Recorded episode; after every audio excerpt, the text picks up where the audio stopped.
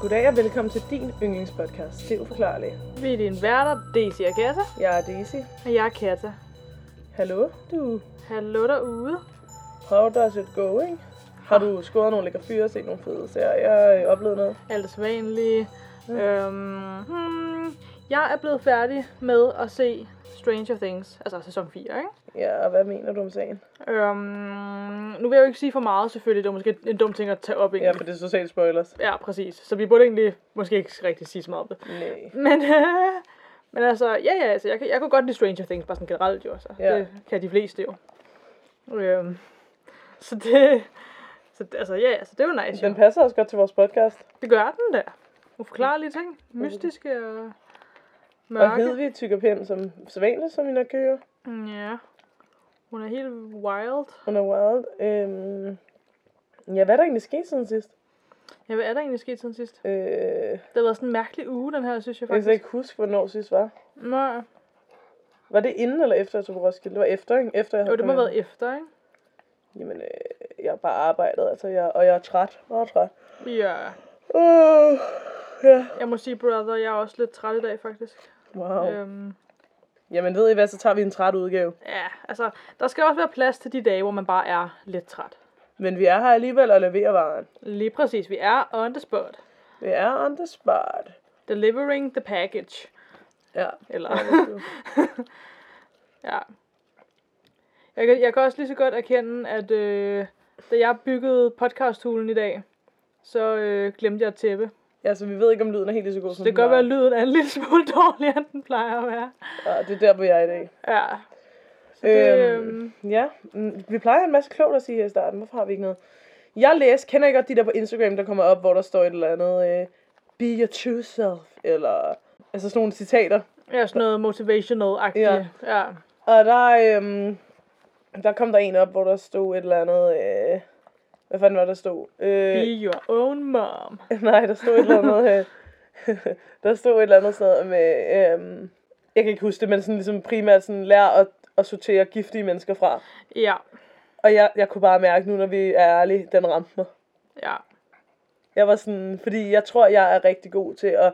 Der er helt klart også mennesker, der er værd at kæmpe for, eller hvad man siger, og værd mm. og alt muligt. Ikke? Men jeg tror virkelig, fordi jeg er en pushover, så tror jeg virkelig nogle gange, jeg glemmer lige at, lige at mærke efter. Men altså, ja, jeg forstår 100% hvad du siger. Samtidig med, at jeg føler ikke, at folk kan være værd at kæmpe for, hvis de er giftige for dig. Selvfølgelig er det ikke så sort-hvidt. Nej, det ved det er jeg jo godt. ikke så sort-hvidt, vel? Men, øhm, men, men ja, ja. Men, men, Men ja, så det vil jeg bare sige, at selv jeg, der virker så øh, afklaret og selvsikker og sådan noget, jeg, jeg har også meget at lære. Mm. Have, citater på Instagram. af de vise ord på Instagram. Så var på Instagram. ja.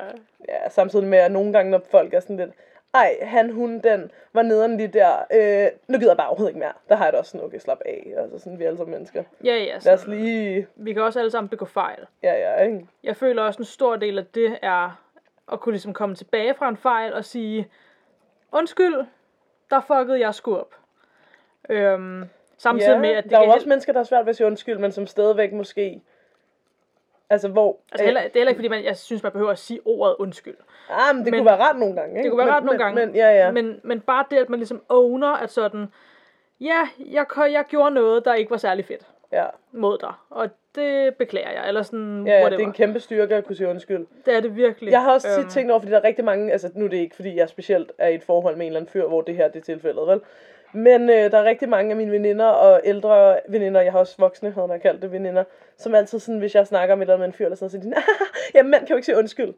Mm. Hvor jeg har det sådan lidt, nå, men det ville være sygt sexet, hvis de kunne. Ja, Altså sådan, ville hva- være hvad er det? det vil altså være så powerful. Ja, det vil være så powerful, hvor jeg sådan... Øh, øh, eller ikke, altså, nu, altså, det kan jo selvfølgelig også, man kan også have en relation til en mand, hvor man bare er, øh, I don't know, venner, eller søskende, eller... Mm. Altså, jeg synes, det er noget bullshit, der er sådan en i universet med, haha, mænd kan bare ikke sige undskyld, men de mener det jo stadigvæk. Hvor man er sådan, men hvorfor skal vi kvinder så sige undskyld hele tiden? Ja. Ja, det har jeg bare hørt rigtig meget her på det sidste. Folk, der er sådan, ja, mænd, de kan jo ikke sige undskyld, hvor man er sådan... Og det er også sådan lidt nedladende mod mænd. Mm. Det er også lidt som om mænd, de bare sådan en... Øh, et, et lille barn, der ikke selv kan tænke, eller et eller andet. Hvor man er sådan, ej, giv dog lige de mænd som credit, altså, giv dem en chance, eller sådan. ja, for selvfølgelig kan de sige undskyld. Ja, ja. altså, ja, ja. Og de fleste mænd derude er jo egentlig meget søde. ja. Ja, ikke dem alle selvfølgelig, men nogle af dem. ikke dem alle. Det er ikke alle mennesker, der desværre er søde. Nå, var. du, jeg er i hvert fald i søvn her. Ja, skal vi get to it? Let's get to it. Yes. Ja, det er mig, der skal starte. Ja, det tror jeg. Jeg har sgu en lang en med, brother. Okay, vi er, vi er ready, brother. Det her, det jeg skal fortælle nu, det er måske ikke uopklaret, faktisk. Okay. Men jeg synes alligevel, der er ret creepy elementer, og den er heller ikke 100% opklaret, så jeg har valgt at tage den med. Okay. Spændende. Eller sådan, der er fucked up elementer, eller sådan. Okay, det kan vi jo... Jeg skulle Ja. ja. sige, det kan vi godt lide, men det kan vi selvfølgelig ikke lide, når det er fucked up ting, der er sket mod rigtige mennesker. Men øhm, Men vi kan jo godt lide at snakke om det. ja. Det hele starter med en mor og hendes søn. Den 9. marts 1928 gik den 9-årige Walter Collins mod biografen. Han var iført en lumberjacket, brune bukser, en grå kasket og sorte sko. Den øh, biograf, han havde tænkt sig at besøge, lå i Mount Washington i området i Los Angeles. Så altså, vores historie foregår i Los Angeles. Okay. Walter kom aldrig hjem. Nej, no. Jo. Hans mor var en telefonoperatør ved navn Christine Collins. Hun rapporterede sin søn efterlys, men først fem dage senere. Men hvad? Ja, og det er jo en anden tid, men det synes stadig, det er lidt weird. Ja. Ja, så det gjorde hun altså den 15. marts 1928. Altså, jeg ved jo ikke, om hun har været ude at lede efter med de der fem dage og sådan noget, men altså, det er lidt weird, ikke? Ja. På den her tid, der var byen stadigvæk rystet over en kidnapning og forfær- et forfærdeligt mord begået på en 12-årig pige ved navn Marion Parker, som var sket uh, tre måneder tidligere. Og det gjorde jo så, at Walters forsvinden straks ligesom var i medierne og var på alle slæber og blev en kæmpe sag, ikke? Mm. Nu begyndte der at rulle tips ind med, at folk mente, de havde set Walter mærkelige og altså alle mulige weird steder, ikke? Så langt væk som San Francisco og Oakland. I et af de bizarre tips mente nogen at have set Walter på en tankstation, hvor vidnet mente, at han var pakket ind i aviser, hvor kun hans hoved var synligt. Nej. Jo, er det ikke mærkeligt? Øh, okay. Politiet søgte så efter Walter i flere måneder, men fandt ikke noget, og de blev efterhånden meget desperate efter at få løst den her sag, ikke? Mhm. Nå, men de fandt altså ikke noget. Men historien slutter ikke her. Mærkelige ting vil snart finde sted. I august samlede politiet i Illinois, eller hvordan man udtaler det, en dreng op. Denne dreng virkede til at være i gåsøjne løbet hjemmefra, og han passede til Walters beskrivelse. Mm. Barnet fortalte politiet, at han var Walter Collins, som jo var forsvundet, Ja. øh, og han skulle efter sine have givet en lidt hullet fortælling om, hvordan han var blevet bortført. Ja, og jeg ved ikke, hvorfor de spurgte mere ind til det, men det gjorde de altså ikke. Han blev så, hvad kalder man det, sat på et opkald med Christine, som efter at have snakket med ham, betalte øh, hvad hedder det, 70 dollars for, at drengen kunne blive transporteret tilbage til Los Angeles. Eller til Los Angeles. Okay, så langt så godt. Så i princippet har hun nu fået at vide, din søn, Er jo ligesom i live og har det ja, i hvert fald. Ja, han er i hvert fald, ja. Han Ja. er fundet. pressepoliti, altså folk, masser var samlet på togstationen, da Walter kommer ind med toget, ikke? Mm. Og jeg ved ikke, hvad Christine har tænkt, da han øh, kom ind på stationen. Øh, men der er nogle kilder, der siger, at hun har skulle have sagt, da han stod ud af toget, det der, det er ikke min søn. Okay. Men at politiet ligesom har været sådan, om du er nok bare i chok, måske du skal tage ham med hjem, og så stod de alligevel og stillede op til pressefoto og sådan noget, ikke? Men hun havde snakket med ham inden, ikke? Var det ikke? Øh, jo, men over telefonen, Ja, ikke? okay. Men jo. Så ja, ja, Det er selvfølgelig sådan en gammel telefon, så lyden har jo ikke været så... ja, men burde man ikke kunne genkende sit barns stemme? Jo. Nå, men lad os, der kommer meget mere Ja, at diskutere. ja. Ja, så hun tog altså drengen med hjem. Drengen boede hos hende i tre uger, men øh, hun blev altså ligesom ved med at tænke, at det ikke var hendes søn. Nej, nå, men vent, what? Okay, så det var ikke sådan, at hun med det samme var sådan, det er altså ikke min søn, det der. Altså, Nej, fordi politiet var var sådan, sådan- at jo, det er at tage ham med hjem. Ej, var det, ej, var det weird? Ja, ja. Nej, Det- var det mærkeligt? Politimesteren, eller jeg ved ikke, om det var politimesteren specifikt, men var sådan, jo, det er bare noget, du bilder dig ind. Det der, det er din søn. Afsted med dig. Hold nu op, okay. Og hvad skulle hun så ellers gøre, end at tage ham med hjem? Ja, og hvad, men hvad siger ham, drengen? Han siger jo, han er Walter.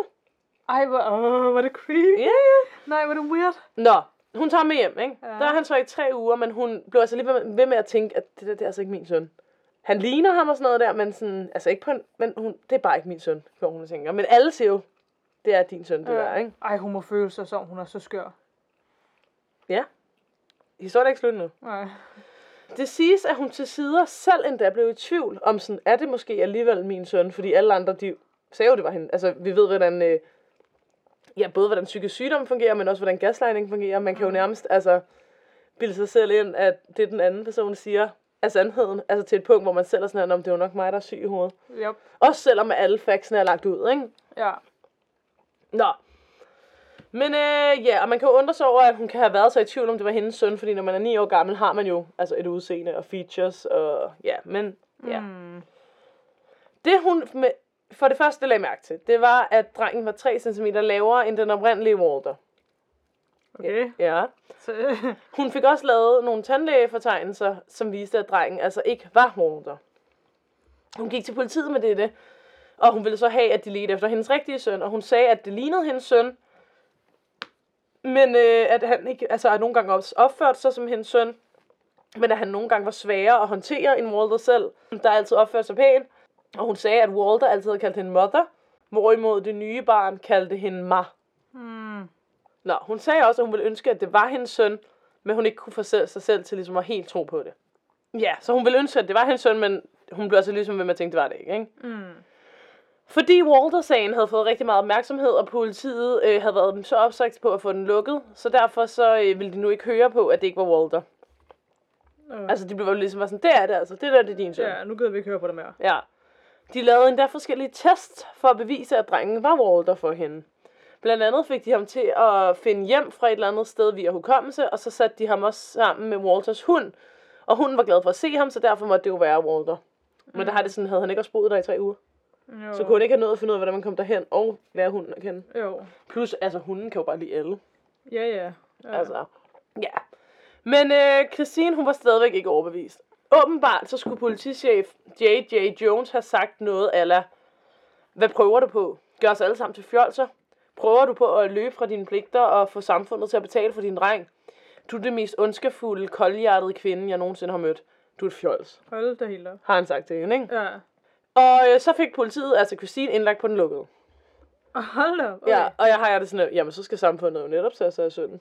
Ja. Fordi hvad, hvad, så- hvad så med den der Walter? Ja. Nå, men ja, ja. Hun blev indlagt den 8. september. Imens hun sad på den lukkede, snakkede Jojo, eller Jojo, JJ Jones så med drengen. Jo, jo. Nu kommer det så. Er du klar? Ja. Under den her samtale, der indrømmede den 12-årige, ikke 9-årige, at han ikke var Walter. Okay. Ja, men i stedet en, en dreng ved navn Arthur Hudkins, eller Hudkins, eller hvordan man nu sagde det. Okay. Okay, Ja. så ja, Christine havde altså haft ret hele tiden. Mm-hmm. Drengen, som havde boet hos hende, såret hos hende, hun havde fodret, som havde kaldt hende mor, var Arthur og ikke Walter. Arthur, han fortalte, at han efter hans mor var død, havde stukket af fra hans fars stedmor. Så havde han rejst rundt på må og få i Amerika, og så havde han ind på en café, hvor der var en random dude, der havde sagt, hey, du ligner da ham der drengen Walter Collins, der forsvandt i Los Angeles. Så øh, havde han ligesom fået kontaktet politiet, og han havde så fortalt øh, den der historie med, at han var Walters. Og så spørger du nok, hvorfor han havde lovet. Mm-hmm. Nu skal du høre. Han fortalte, hvad han fortalte, fordi han gerne ville til Los Angeles og møde skuespilleren Mac, øh, Tom Mix, som han åbenbart var fan af. Så han tænkte Nej. ligesom sådan 12-årig dreng-agtigt, at jamen, så kommer jeg jo til Lo- Los Angeles. Oh my god. Ja. Oh my god. Christine blev nu øh, løsladt fra den lukkede den 13. september, Ja, tak. og så sagsøgte hun politiet. Ja, tak. Kaptajn J.J. Jones, men prøv at tænke på, at hun f- virkelig have følt sig skør. Altså hun må virkelig have været Ja. i tvivl. Nå, Men, på- men samtidig, politiet må jo også have været sådan, hvad er der med den her, med det her, altså hvad er der med hende? nå men, har de vidst måske, at det ikke var hendes søn? Ja, det er jo det der spørgsmålet. Jeg ved det ikke. Det er bare, at ham der alligevel sådan siger det der med sådan, at du er et fjols. Det, altså, og hele det der, det kan godt lyde som, at han er oprigtig og sådan. Det her er din hvad søn. er hendes stil? Altså, Ja, sådan, ja. Hvad Men jeg synes, at det er værre. Nu har jeg selv prøvet at blive lidt gaslightet, ikke? Ja. Altså, det er virkelig sindssygt, hvor, hvordan man kan sådan... Hvor nemt det kan være Det er så nemt. Ja, ja, og hun har jo virkelig mange følelser involveret. Mm. Fordi hun, hun, tænker, altså, hun har Det er jo sorg. der, hvor det er nemt at gaslight. Ja, ja, præcis. Hun har sorg. Hun vil gerne tro på, det hendes søn og sådan Ja. noget, ikke? Altså, den der følelse af, hvor man er sådan, gud, er, er det mig? Altså, har jeg, har jeg set situationen helt anderledes? Nej, nej, men måske, jeg kan godt se, nej, det skete måske egentlig ikke, hvis du siger, det ikke skete. Men det og var også, sådan, ja, fordi, og jeg sad nemlig også før og tænkte på sådan noget med, okay, jamen der, hvor, altså i den periode, han lige var væk, altså, hvad kan der være sket med ham der, som har traumatiseret ham, som så har ændret ham, og altså, Ja, og gjort ham sværere at håndtere. ja og sådan noget. præcis, Ja, ikke? ja, altså, ja. Så, ja, ja, og han skulle efter sine have lignet ham ret meget. ja, Men så vil altså, har man jo nok godt kunne se, men hun, det kunne være, hun har tænkt, måske det er mig, måske har min sorg gjort mig sindssyg, måske. ja, jamen det er det. Ja. Nå, hun sagsøgte dem. Og netop fordi, at han, ej, undskyld, men netop fordi han jo også bare er sådan, hej mor, eller sådan, altså, Ja, han var sådan, du er min mor. fordi, ja, det var også det, det må virkelig fuck med ens hjerne. Ja, Ja, ja. gaslighting er sgu uhyggeligt. Nå, Captain J.J. Jones, han blev suspenderet. Han fik så senere sit job tilbage. ja. og han fik en bøde, hvor han skulle betale Christine 10.800 dollars for hendes struggles. Mm. Han betalte så aldrig pengene. Nå, Og det er så ret mange penge dengang, som han aldrig betalte hende. ja. Jeg ved, hvordan han kunne slippe udenom det. Ja, hvis man er politiet. Ja. Især hvis det har været lidt korrupt måske, jeg ved det ikke. Mm. Ja, jeg ved ikke, hvordan USA for fungerer, skal jeg til at sige. Nå, men hvis du er en klog lytter, så har du måske observeret noget. Fordi lige nu virker det jo som om, at indtil videre er det jo rimelig opklaret. Men, Men, hvor er den rigtige ja, Walter Collins? han er jo ligesom stadig væk. Ej, det er ikke sjovt, det er bare fordi, det er sådan, det er så sørgeligt. Det er så sørgeligt. Men altså, som sagt mener man jo faktisk, at sagen er opklaret. Altså også med noget det, jeg skal til at fortælle dig senere. Men ja, da man ikke kan være 100% sikker, så kan vi lige diskutere det til sidst. Er du klar? Okay, ja. Teori 1 er lavet af Walters egen far, som vi ikke har snakket om før. Mm. Walter J.S. Collins var farens navn. Han sad i fængsel på daværende tidspunkt for, øh, øh, han sad inden for teori. Altså da Walter blev bortført, ikke? Altså tyveri. Ja. Ja, okay. Ja, da, altså han sad i fængsel for teori, mm. da Walter blev bortført, ikke? Ja. Inde i fængslet, der arbejdede han i kafeteriet, og en af hans opgaver var at indberette, hvis han op, øh, så, at andre indsatte ikke opførte sig efter reglerne. Mm. Derfor havde han mange fjender derinde. Så han tror selv, at det var en derinde, der ikke brød sig om ham, som så senere blev løsladt, som så er bortført Walter som straf. Men Hold uden da at skrive et brev eller noget, ikke? Ja, okay. Jeg ved ikke, det er en teori, men jeg synes, den er lidt tynd. Mm. Fordi at når man er i fængsel, er man så ikke lidt mere sådan, jeg tager hånd om det nu og smadrer dig. Jo. Jeg ved det ikke. Men det er jo en teori, og det er ikke udelukkende. Nej, nej. Der er ikke noget af udelukkende. Videre til teori 2. Som nok er den, hvor man mener, man opklarer sagen. Og okay. den har ret meget, øh, hvad kalder man det, vægt på sig, eller den er Ja. legit nok, ja. Den går ud på, at Walter blev kidnappet af en fyr ved navn Gordon Stewart Northcott, og skulle være blevet myrdet på dennes kyllingefarm. Øh. Er du klar? Dage efter Christine blev løsladt, så kom der nemlig ubehagelige og uhyggelige beskeder fra den her gård. Den lå vist sådan noget der 40 mil væk, eller sådan noget, jeg kan ikke helt huske det. Gordon Northcott, han blev født i Bladworth, Zakat, et eller andet sted i Canada, Mm-hmm. og blev opvokset i Britisk Columbia. Da han var 18, så flyttede han til Los Angeles i Kalifornien, USA, med sin familie. Han har siden hævdet, at hans far misbrugte ham seksuelt i en alder af 10. Og så synes jeg også, jeg har hørt et sted, der var noget med, at hans mor også var hans søster, og man blev opfostret som om... Altså noget med, at hende, han havde oplevet opfostret med, som var hans søster, i virkeligheden var hans, Hans mor, mor. og... Altså sådan noget der, incest noget. Men ja. er, jeg har... Jeg går lidt ind ved, hvem han er, men jeg har det sådan lidt, det handler egentlig ikke om ham. Men det er noget med, at han har haft en dårlig barndom. Ja. Men igen, det er ikke en undskyldning. Men det kan måske være en forklaring. Mm. Med sin fars hjælp, så byggede han så øh, en kyllinge range, eller en kyllingefarm, øh, i noget, der hedder Winewell. Hans far blev så senere indlagt på et øh, sindssygehospital, hvor han så til sidst begik øh, selvmord. I 1926, der tog Gordon så sin 13-årige nevø, Sanford Clark, med til den her kyllingefarm med tilladelse fra Sanfords forældre. Da han så ligesom havde ham her øh, isoleret, begyndte han at tæve og voldtage drengen, og generelt bare misbruge ham på alle leder og kanter og gaslighte og whatever, ikke? Det skal lige siges, at Gordons mor Sara, eller søster, eller hvem fanden hun er, Mm-hmm. også boede på gården. Ja, okay. Ved at bruge sin nevø som lokkemiddel, bortførte Nordcott flere unge drenge og tog dem med til sin gård. Her der blev de så voldtaget og tortureret og dræbt. Der er faktisk også nogle historier med, at nogle af dem, hvis han blev træt af dem, satte han dem af i steder. Altså så der nogen overlevede. Mm. Øh, ja, han dræbte dem ved at skyde dem, eller øh, altså med en økse. Med den økse, han også dræbte kyllinger med, dræbte han så drengen, han havde misbrugt med. Forfærdeligt. Efter at have dræbt dem, der baterede han dem så og opløste deres kød med brændt kalk og kasserede deres knogler i ørkenen. Efter sine skulle hans mor, ud over hans nevø, også have hjulpet ham. Og ja, så de skulle, altså det er lidt uvist, hvor mange han har dræbt og sådan noget, men ja. Der var kun en af de her ofre, der nogensinde er blevet fundet, og det var en hovedløs teenage mexikaner. Det ved jeg faktisk ikke, om man må sige mere. Det, jo, det må man vel godt, ikke? Øh, det... Af meksikansk afstand? Jeg ved ikke. Jeg Nej, synes, jeg, jeg bliver lidt i tvivl. Øhm, Hvordan man siger det med respekt, vil vi gerne, vi er bare uvidende. mm. Nå, opdaget nær, noget der, øh, nær farmen i februar 1928. Der er nogle andre, man også mener har været offer for ham. 12-årige Louis Winslow og hans bror Nelson, som var 10 år gammel, forsvandt fra Pomona den 16. maj i 1928. Og Northcott blev senere dømt for deres mor på trods af fraværet af deres lig. Gordon kunne blive ved med at voldtage og dræbe i det uendelige, hvis ikke han var blevet stoppet. Men i august i 1928, så besøgte den 19-årige søster til Sanford, altså ham nevøen, ikke? Mm-hmm. Sin bror ligesom sådan, hey, hvad så? Jeg kommer lige på besøg, ikke? Øh, og hendes navn var Jessie. Og Sanford fortalte hende så alt. Altså betroede sig til sin søster, ikke? Og da hun så ligesom tog væk fra farmen, så fortalte Jessie det til sin mor, som heldigvis troede hende.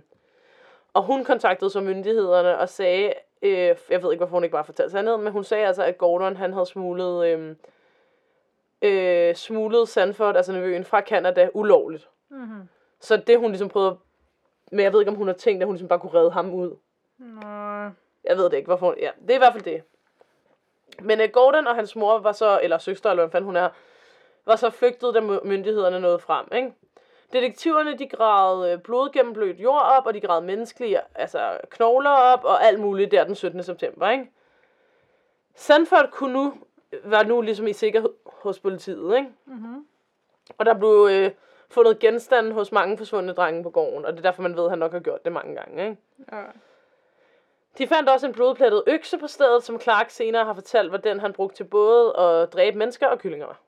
I september 1928 så fortalte Sanford, at han havde alt det, han ligesom havde oplevet, og hvordan det var sket, og hvordan han havde hjulpet med det under, altså under, jeg ved ikke, hvad hedder sådan noget, når man er totalt under en andens, øh, Øhm, han har jo selv været bange og sådan noget, ikke? Ja, under... Øh...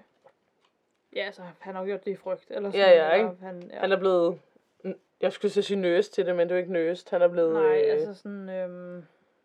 ja, yeah, you know what I mean. Ja. Nå, og så blev der vist et, hvad hedder det, 30 billeder af drenge, som var forsvundet inden for den her tidsramme. Øh, fordi man håbede på, at han kunne identificere nogle af dem, sådan så man vidste, hvad der var sket med dem. Ikke? Mhm. Og her parrede Sanford så med sikkerhed på Walter Collins som et af offerne. Okay.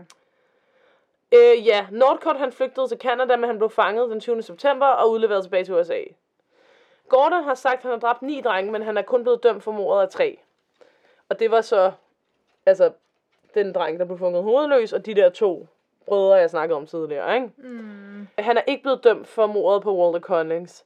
Hans mor til gengæld har sagt, at hun dræbte Walter Collins, men, øh, men at mange beviser tyder på, at hun har handlet efter ordre fra sin søn. Ikke? Mm-hmm. Men altså, hans lig er aldrig blevet fundet. Så man kan jo ikke bevise det. Vel? Nå. Northcott blev, øh, som jeg sagde, øh, kalder man det, anklaget for tre mord, hvor han blev dømt. Øh, ja, og på grund af, at hun var en kvinde, så fik hun fængsel på livstid i Collins, øh, altså Walter Collins-sagen, fordi hun havde indrømmet det. Men han blev dømt til, øh, hvad kalder man det, til døden. Okay. Så moren fik en livstidsdom, og han fik en øh, dødsdom. Ja. Han blev dræbt den 2. oktober i 1930. Imens Gordon er ventet på sin død, så sendte han et telegram til Christine, altså moren til Walter, ikke? Mm-hmm. og skrev, at han ville fortælle sandheden om Walter, hvis hun kom og besøgte ham i fængslet. Hun tog hen til fængslet for at tale med ham af, ej, hvad hedder det, aften før han skulle henrettes. Men nu ville Gordon så ikke snakke med hende. Og han sagde, at han var uskyldig i mordet på Walter. Han efterlod også beskeder i sin celle, hvor han skrev, at han aldrig havde mødt Walter. Men øh, også nogen, hvor han sagde, at det var øh, altså Gordons, eller hvad hedder det, morderens far, der havde bortført og myrdet Walter. Giver det mening? Mm-hmm. Men man mener også, at en af hans diagnoser er, at han var en, hvad hedder det, de der, der der ikke kan holde op med at lyve. Øh, Nå, øhm... et eller andet med p-løgner. Ja, jeg kan, ja, jeg Ja. kan ikke lige huske, hvad det hedder. Så hvem ved, hvad der er sandt? Altså, vidste han, hvad der var sket med Walter, eller vidste han ikke, ikke? Mm. Jeg kunne dykke meget mere ned. Altså, den her sag kunne jo, altså sådan, hvis det havde været en morpodcast, så havde hele sagen om den der kyllingefarm jo været. Der er jo så meget information om den, ikke? Men ja. jeg, jeg gjorde det lige lidt kort, ikke?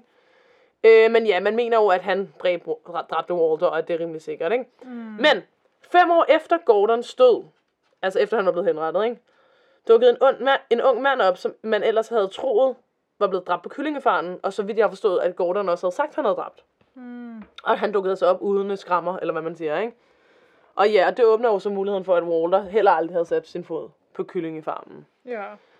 Øh, resten af sit liv, der øh, troede Christine, at hendes søn var i live og ledte efter ham, eller hvad man siger, håbede på, at han kom hjem, ikke? Ja, så selvom Walter desværre nok døde på kyllingefarmen, så er sagen i princippet stadigvæk uopklaret, da han jo ikke blev dømt, og derved også uforklarlig. Ja. Tak til Parrot.com, Wikipedia, BuzzFeed, Unsolved Network, My Favorite Murder, CriminalMinds.fandom.com og Murder- Murderpedia.com. Mange twist and turns, hva'? Ja, det må man nok sige, og det er fandme creepy. Jeg synes, det mest creepy, selvom det jo ikke direkte er uforklarligt, det er øh, ham der drengen, der var, lød som om han var en anden. Ja. Og der er også en del af mig, ikke? ja. Selvom det er nok ikke sandt. Han er nok bare en anden dreng, ikke? Men der er også en del af mig, der er sådan, hvad nu det var Walter Collins, men han bare ikke kunne holde ud, at hans mor var blevet sat på sindssygehospital. Så derfor sagde han, at han var en anden. Wow. Altså, det er jo en helt anden. Ja, det er det helt andet twist, at, sådan, at det så var løgnhistorien først Ja. der.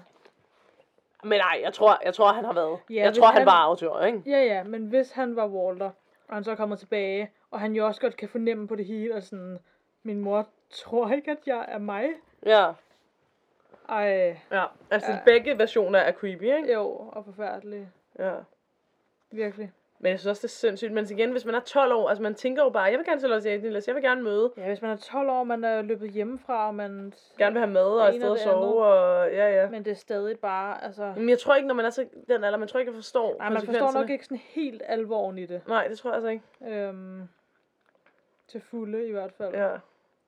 Men til sidst har han så følt, at han lige burde sige sandheden, ikke? Måske da hun blev indlagt, fordi han var sådan, okay, nu sker der noget, der ligesom har konsekvenser. Ja. Ja, det kan godt være, sådan, det kan godt være, det er gået lidt op for ham der, at sådan, okay. Nu er det ikke sjovt længere. Ja. Eller også gik det op for ham, at han, ikke mødte, at han bare ikke mødte ham, der skulle spille ligegyldigt, hvad han gjorde. ja. ja. ja, så er det din tur, min ven. Damen.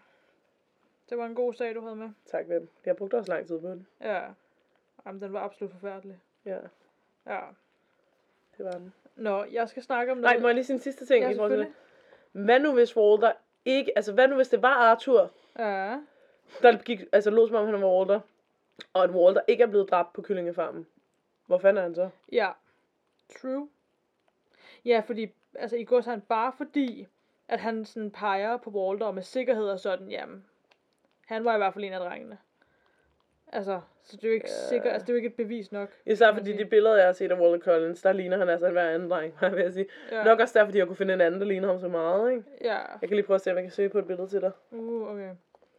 Men ja, det var også det, altså sådan, det er jo ikke, det er rigtigt nok, det er jo ikke nødvendigvis case closed bare der. Nej, Øhm, prøv at se her. Jeg tror, det her tror jeg er et billede af ham. Altså, han ligner bare en dreng. Nå, men jeg, jeg var sådan, hvor? Er det her? Nå, ja, det kan jeg godt se. Øh, Ja, det ligner ikke umiddelbart, at der er noget, hvor man sådan tænker, han har en eller anden helt vild feature, man lige kan sådan genkende ham på. Nej, nej. Ja. Men altså, i det hele taget også bare så forfærdeligt for moren. Altså, Ja, hele det der, hun går igennem med, at først så forsvinder hendes dreng. ja. Men hvorfor meldte hun det også først fem dage efter? Ja, det er faktisk rigtigt. Det er stadig ja. mystisk. Det er mystisk. Det er det faktisk. Kan vide om... Ja. Ej, det er, det er overhovedet heller ikke sjovt. Ja. Jeg griner kun, fordi det er sådan en absurd tanke, ikke? Ja, Hvad hvis det er hende, der af den ene eller den anden grund har skaffet sig af med sin søn? eller det er ikke sjovt, men jeg forstår. Jamen præcis, det er fordi, det er så absurd. Og så, Og så se, er der giver det gået- bare en anden så er søn. der gået fem dage, og hun er sådan, uh, kan jeg bare holde lav profil? Og så er det måske gået op for en, ah, ved du hvad, jeg bliver, jeg bliver faktisk nødt til at melde det, for ellers kan det pludselig virke meget mistænkeligt, ikke? Ja. Så melder hun det. Og så kommer de fandme med en eller anden og siger, det er din søn. Hun er sådan, jeg gider bare ikke en søn. Og hun ved godt selv, at hun har skaffet sig af med. Ej, det er jo ikke sjovt, Ja. det er bare fordi, det er så absurd. Ja, ja, ja. Nej, det tror jeg dog. Men igen, never say never. ja. Og så lige sidebemærkninger. Jeg har faktisk ikke selv set den, men jeg har tænkt, at jeg skal se den. The Changeling er jo baseret på den her sag. Okay, er det en fiktiv, eller fiktiv? Ja, det er fiktiv, den der med Angelina Jolie. Kan du huske det, den er kommet ud? Hmm. Som jeg har faktisk set ret mange trailers for. Øh, prøv at se, det er den her. Uh, nå, altså, er det en ny film? Nej, det er en ret, altså ikke gammel, men det, den kom ud altså for en del år siden. Nå, okay. Som handler om det her med, at det ikke er hendes søn, men Ja. ingen tror på hende. Hmm. Det her, det var plakaten. Har du ikke set den før? Hmm. Hvor man ser den der hat, hvor hun kigger ind i spejlet. Nej, så overhovedet, jeg tror ikke engang, jeg har hørt om den film. Nå, jeg har hørt rigtig meget om den, men synes, den virkede helt vildt klam, så jeg vil ikke se den. Hmm. Men det tror jeg, jeg skal. Ja, jeg tænker da også, den skal jeg da lige have skrevet på min liste engang. Ja. Nå, din Ja. tur. Okay, min sag. Jeg skal snakke om noget i en lidt anden boldgade. Okay. Jeg skal snakke om George Mallory. Okay. George Mallory var muligvis den første person, der nogensinde besteg Mount Everest. Mm. Men det er endnu uopklaret, om han rent faktisk var den første eller ej. Okay. Mallory blev født den 18. juni 1886 i England. Han blev igennem sit liv kendt som en stor klatrer og bjergbestiger, og han var en del af de tre første forsøg på at bestige Mount Everest. Blandt andet så var han en del af ekspeditionen i 1922, hvor ham og hans gruppe formåede at blive de første mennesker nogensinde, så vidt man ved i hvert fald, som klatrede højere op end 8.000 meter. Og ligesom sådan til reference, så Mount Everest er 8.849 meter høj. Hmm. Men Mallory og hans klatrepartner Andrew Irvin forsvandt på nordøstsiden af bjerget i 1924, og Mallory var efter det forsvundet i 75 år. Hvad? Ja, Men blev fundet. ja, det var så netop lige indtil hans lig så blev fundet i 1999. Wow. Men før alt det her skete, så startede det ved begyndelsen, hvor han er ved at sige. Mallory blev født. Og det gjorde han som sagt i 1886 i den lille landsby Mobber, Mobberley Ja. i England. Da han var 13 år gammel, der fik han anskaffet sig et matematisk stipendium, der gjorde, at han kunne gå på Winchester Universitet. Og på universitetet så blev han så introduceret til klatring, og han fik nøje vejledning af en Graham Irvin. Ham og Graham endte så med at tage flere ture til Alperne under universitetstiden, hvor de øvede sig i at klatre og bestige bjerge. I 1905 så kommer han så ind på Magdalene Universitetet i Cambridge, hvor han så tilsluttede sig roningsholdet for universitetsholdet. Det var sådan noget lidt andet, ikke? Mm. Øhm, og efter han så graduerede derfra, eller hvad det hedder, så begyndte han så med at undervise i roning. Men imens han gjorde alt det her, så fortsatte han også med at udvikle sit klatretalent, hvor han både øvede sig i The Lake District, som det hedder, og på de sådan relativt hyppige ture til Alperne, som han stadig tog på. Han var på mange ekspeditioner, blandt andet øh, et forsøg på at bestige Mount Velan, som er på 3.727 meter. Han lavede så også en succesfuld bjergbestigning af Mont Blanc, som er på 4.807 meter, og så den ikoniske Frontier Ridge på Mont Mounted på 4.465 meter. Og den sidste var så en ekspedition, som var ledet af Irvin. Mallory lavede desuden en masse af det, som man kalder for First Ascents, hvilket, hvis jeg har forstået det rigtigt, betyder sådan ens første succesfulde bjergbestigning på et bestemt bjerg eller område, uden brug af nogen redskaber, såsom ræb eller andet. Okay. Så det er sådan, Og ilt vel også. ja, og uden brug af ilt og noget. Så det er sådan, det, det er tough, ikke? Der var nogle af de her, hvad hedder det, succesekspeditioner, som var utrolig svære og sådan farlige, især for tiden, de ligesom blev lavet i her. Eller de blev udført i. Og det, at han lykkedes med dem, var ligesom en ret stor ting. Altså sådan, han, det blev ret, altså, ja, han var ret vild til det her. Han var ret, Ja. han var ret god. I, øhm, I 1913 så lavede Mallory så en first ascent på Lake Districts Pillar Rock ved hjælp af en ny rute, som han ligesom fandt på, hvad han er ved at sige. Og den bliver så nu kaldt for Mallorys rute. Og det her, det var nok en af sådan United Kingdoms sværeste og farligste ruter i sådan rigtig mange år efterfølgende. Det var den her, som han ligesom lavede. I 1914 så gifter Mallory sig med en Ruff, eller Ruff, Ruff Turner, jeg kan ikke finde ud af at udtale det navn. Men ja, og, det, og, det, og de blev så gift på den aften, hvor Første Verdenskrig begyndte. Det er sådan lidt symbolsk på en eller anden måde. Øhm, og de fik så senere hen tre børn sammen og var glade, I guess. Eller det ved jeg ikke, om de var, men det, det håber jeg, at de var. Mallory han endte også med at deltage, så at sige, i Første Verdenskrig for den britiske hær. Og han var involveret i flere kampe, blandt andet i Frankrig. Her der formåede han at overleve en af de mest blodige kampe, hvor over en million mennesker mistede livet. Efter krigen så vender Mallory så tilbage til hans underviserjob som roningsunderviser. Øh, underviser. Men han siger så det job op i 1921, hvor det så er der, han ligesom deltager i den første ekspedition til Mount Everest. Det var den første britiske ekspedition til at bestige Mount Everest, og den blev ført af en oberst ved navn Charles Howard Bury og Harold Rayburn. Ekspeditionen blev primært brugt som et militært redskab til ligesom at kortlægge og få et overblik over sådan det omkransende område. Men Mallory var så med, fordi han var så dygtig en bjergbestiger. Den 23. september 1921, der nåede Mallory, Wheeler og en, der hedder Bullock, 7010 meter op. Rayburn var blevet syg her, og Mallory havde derfor overtaget lederpositionen på det her tidspunkt af ekspeditionen. Men efter at de nåede så højt op her, så begyndte en stærk vind at presse dem tilbage.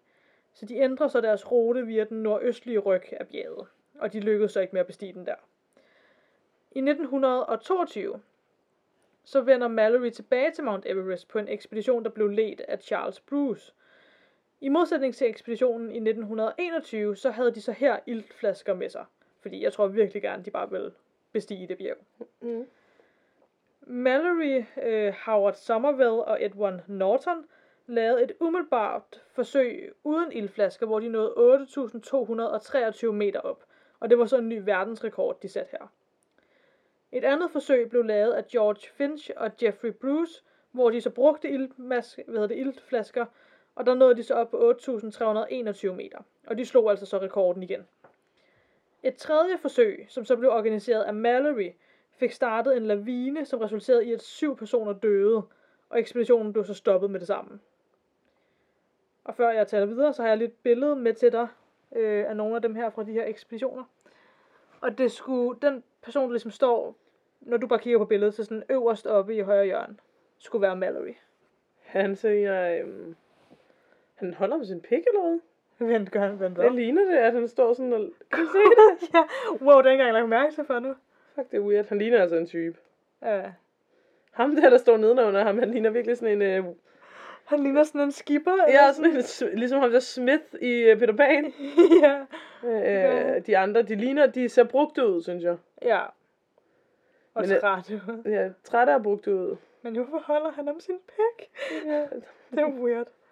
ja, det kan da være, at han prøver at skjule, at... Ja, det ved jeg ikke. Vent, hvad? Snak videre. Ja, han, øhm, jamen, altså, han var jo også meget begejstret for at klatre, ikke? Okay. I, hver, Okay, i, hvert videre. fald.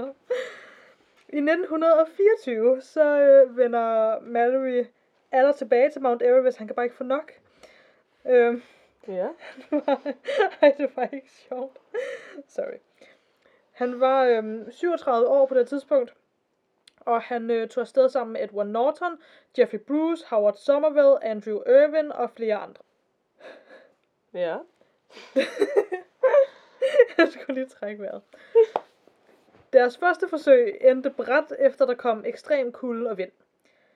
Deres andet forsøg, som så blev lavet af Edward Norton og Howard Somerville, fik Norton op på 8.572 meter, mindre end cirka 300 meter fra toppen.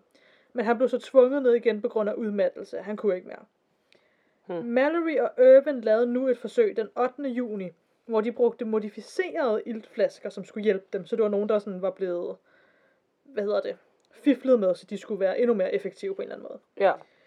Noel Odell, øh, som der var en gut, der hed, fulgte efter et stykke bag dem for ligesom at støtte dem, øhm, og han rapporterede så tilbage til de andre, at han havde set dem være helt op på 8.610 meter. Men man er dog især senere hen blevet tvivlende over for, hvorvidt han egentlig har set dem i den højde. Og hvorvidt han egentlig præcist har kunne vide, hvad højde de egentlig sådan var i. Altså, selvfølgelig er der jo sådan målestokke, man går ud fra på de der bjerge og sådan noget. Ja. Men det er bare, man er i tvivl om, han egentlig har set dem være så højt op. Ja. Men ja, hvorvidt de så var så højt oppe, da han så dem eller ej, så var det højst sandsynligt sidste gang, et andet menneske så dem i live. Der gik som sagt hele 75 år, før Mallory blev fundet igen. Altså, så de er jo bare ikke, de er bare ikke kommet ned igen. Altså, de er jo ligesom bare Forsvundet der. forsvundet. Ja. Og ja, der gik så 75 år, så bliver hans øh, Mallorys lig så fundet af Conrad Anker, og det var så i 99. Ja. Og hans lig blev fundet ved 8.138 meter oppe. Og Irvin er stadig ikke blevet fundet. Og det er det kamera, de havde med sig heller ikke. Okay. Hvordan Mallory døde, hvor Irvin blev af, og hvorvidt de nogensinde nåede toppen eller ej, er stadig uopklaret i dag. Hmm. Der er flere i sådan klatremiljøet, som mener, at Mallory var den første til nogensinde at bestige Mount Everest. Men mange mener dog, at det var Edmund Hillary og Tenzin Norgay, som var de første til at bestige bjerget i 1953. Hmm. Det er ligesom dem, man sådan, jeg tror, Regner man officielt rigtigt. siger, Ja. altså, fordi dem, har man, dem ved man besteg den. Ja, okay. Øhm, ja. Nogen mener også, at de simpelthen har haft for dårlige redskaber på det her tidspunkt til overhovedet at, altså, at kunne bestige det succesfuldt, så de egentlig var dygtige nok. De var bare sådan forud for deres tid på en eller anden måde. Ah, ja. Der er dog en detalje, som er værd at bemærke. Og det er, at Mallory havde altid et billede af sin kone, Ruth, jeg kan ikke finde at sige det navn, Mm. men han havde altid et billede af, af sin kone med sig, og han havde Er det bare Ruth, eller hvad? Ja, Ru- Ruth. Ja, Ruth, tror jeg. Ja, ja. Men ja, han havde altid et billede af hende med sig, og han havde nemlig planer om, det var noget, han snakkede med mange om, at han havde planer om at placere billedet på toppen, når han nåede derop en skønne dag. Mm. Og det billede var ikke i hans vest, hvor man vidste, det altid var, da hans liv blev fundet. Det tyder på, at han har lagt det op. Ja, det er nemlig, det er lidt interessant. Hmm. Han kan selvfølgelig have tabt det, men altså... Ja, ja, men, øh, men, men ja, det blev, altså, der blev bare- snakket meget om det der billede med sådan folk, der kendte ham og var med på de her ekspeditioner. Altså, de vidste, hvor meget han passede på det billede. Ja, ja, Og sådan, hvor ja. meget det ligesom betød for ham. ja. Så ja. ja. Mallorys søn John, som var kun tre år gammel, da hans far ligesom forsvandt, han har så senere hen udtalt sig med sin mening om, hvorvidt hans far nåede toppen som den første nogensinde eller ej. Og det er egentlig mere eller mindre, at det er han faktisk fuldstændig ligeglad med. Altså for ham, så den eneste måde, du succesfuldt kan bestige et bjerg på, ja. det er ved at komme ned af det igen. Jamen, det har han måske lidt ret i. Han havde ligesom en pointe i, at jobbet er kun halvt udført, hvis ikke du kommer ned igen. Ja, ja. Så ja, jeg tror, han, han er ret ligeglad med, om hans far var den første eller ej. Han Ja. er bare trist over, at hans far ligesom Døde, ja. Ja, så vil jeg gerne sige tak til climbing.com, Wikipedia og thewire.in. Ja, tak. Ja tak, ja tak, ja tak. Havde du... Nå, det lignede, du skulle så vise mig et billede. Nej, ikke flere billeder til dig, Snut. Nå. Ikke i denne Ja, hvad omgang. tror du selv? Altså, jeg ved det ikke. Jeg synes også det der med, altså sådan, jeg ved godt, der er gået 75 år. Ja. Jeg, I know, men det der med, at der også netop går 75 år, og det der med, at de ikke finder, altså de stadig ikke har fundet Urban. Ja. Altså det synes jeg er mærkeligt på en eller anden måde, samtidig med, at der kan jo være alle mulige forklaringer på det. Der ikke? kan... Ja, det er et bjerg, altså. Og de kan også være blevet adskilt af en eller anden grund, før de ligesom døde, eller hvad der nu skete. Og der kan ske natur eller lavine, altså, ja. Ja. i ærligt, Der altså. kan ske mange ting. Ja. Øhm, ja. Men ja, altså, det, og det er det. Jeg tror også bare for mig, der er også bare den der del af det med, at sådan, de har nok været nogen, formodentlig, altså de dygtigste til at gøre, til at udføre det her job på det tidspunkt. Ja, ja, ja. Øhm, og derfor kan det stadig gå galt. Selvfølgelig kan det det. Ja, ja. Men, ja, det ved jeg ikke. Altså, der, der, jeg tror, der er en del af mig, der egentlig ikke synes, det er så mystisk, det her. Samtidig med, at jeg tror, der er en anden del af mig, der egentlig synes, det er lidt mærkeligt. Det er i hvert fald meget interessant, om de var de første eller ej. Ja, det, det synes jeg bestemt også. Men jeg kan godt se den der pointe med, at hvis du ikke er kommet ned igen, så Ja, har du hvad- nok ikke udført det. vel? Nej, hvad er pointen så? Ja. Ja. Ja. jeg synes også, det var meget sådan rørende, at det var hans søn, der ligesom sagde det. ja. Jeg ved så heller ikke helt, om jeg kan forstå det der, man gerne vil bestige bjerge. Jeg kan godt se, at man ser jo selvfølgelig noget, ingen andre mennesker ser. Ja. Jeg tror godt, jeg forstår, altså jeg ved heller ikke, om jeg vil sådan gøre det lige med bjerge, men jeg forstår godt den der sådan, ja, udforsker ting. Ja, ude i naturen og Ja, survival of the fittest, tror Altså jeg sådan- det. Ja. helt sikkert. ja. Det er bare så farligt, eller sådan. Altså, det Og det er det jo også den dag i dag. Ja, ja. Det er det bestemt. Der er jo stadig mange, der dør, Ja, fordi de prøver at bestige store bjerge. ja. Ja. Skal vi tage ugens lys? ja, det kan vi godt. Jeg var i Zoologisk Have anden dag, Ja, det var. og det var hyggeligt. Det var dit ugens lys. Det var min ugens Det er lang tid siden, jeg har været der. Og jeg var faktisk oppe i den der Skyliner, tror jeg, de kalder den. Som Ja. er sådan et nyt midlertidigt tårn, de har over i sådan børnesugeafdelingen, hvad Ja. ja. jeg vil kalde det. Det var interessant. Ja. Det var, øh, altså, det var virkelig smukt deroppe fra. Øh, og jeg fik også taget nogle billeder og sådan. Altså, det var virkelig, virkelig fint. Ja. Men øh, hold da op, den, altså sådan, det var også lidt skræmmende. Den var høj. Den var højt op, ikke? Ja. det var den. Men, øh, men altså, ja, så kan man mærke, at man lever, ikke? Så kan man mærke, at man lever, ja. Fordi det kan man jo ikke nok i forvejen. Nej, nej. Jamen, det var sgu et meget godt lys, min ven. Ja, jo tak, jo tak. Jamen, øh, hvad er mit ugens lys? Jeg tror, at jeg har tilbragt rigtig meget tid med veninder den her weekend. Ja. Og det har, jeg tror, det har jeg sgu haft brug for. Det var dejligt. Ja, Og jeg har sgu nogle dejlige veninder. det har du da. Det har jeg da. Jamen, var det så det? tænker jeg. Jamen, så til dem. Altså alle andre derude. Please don't hjemsøge os.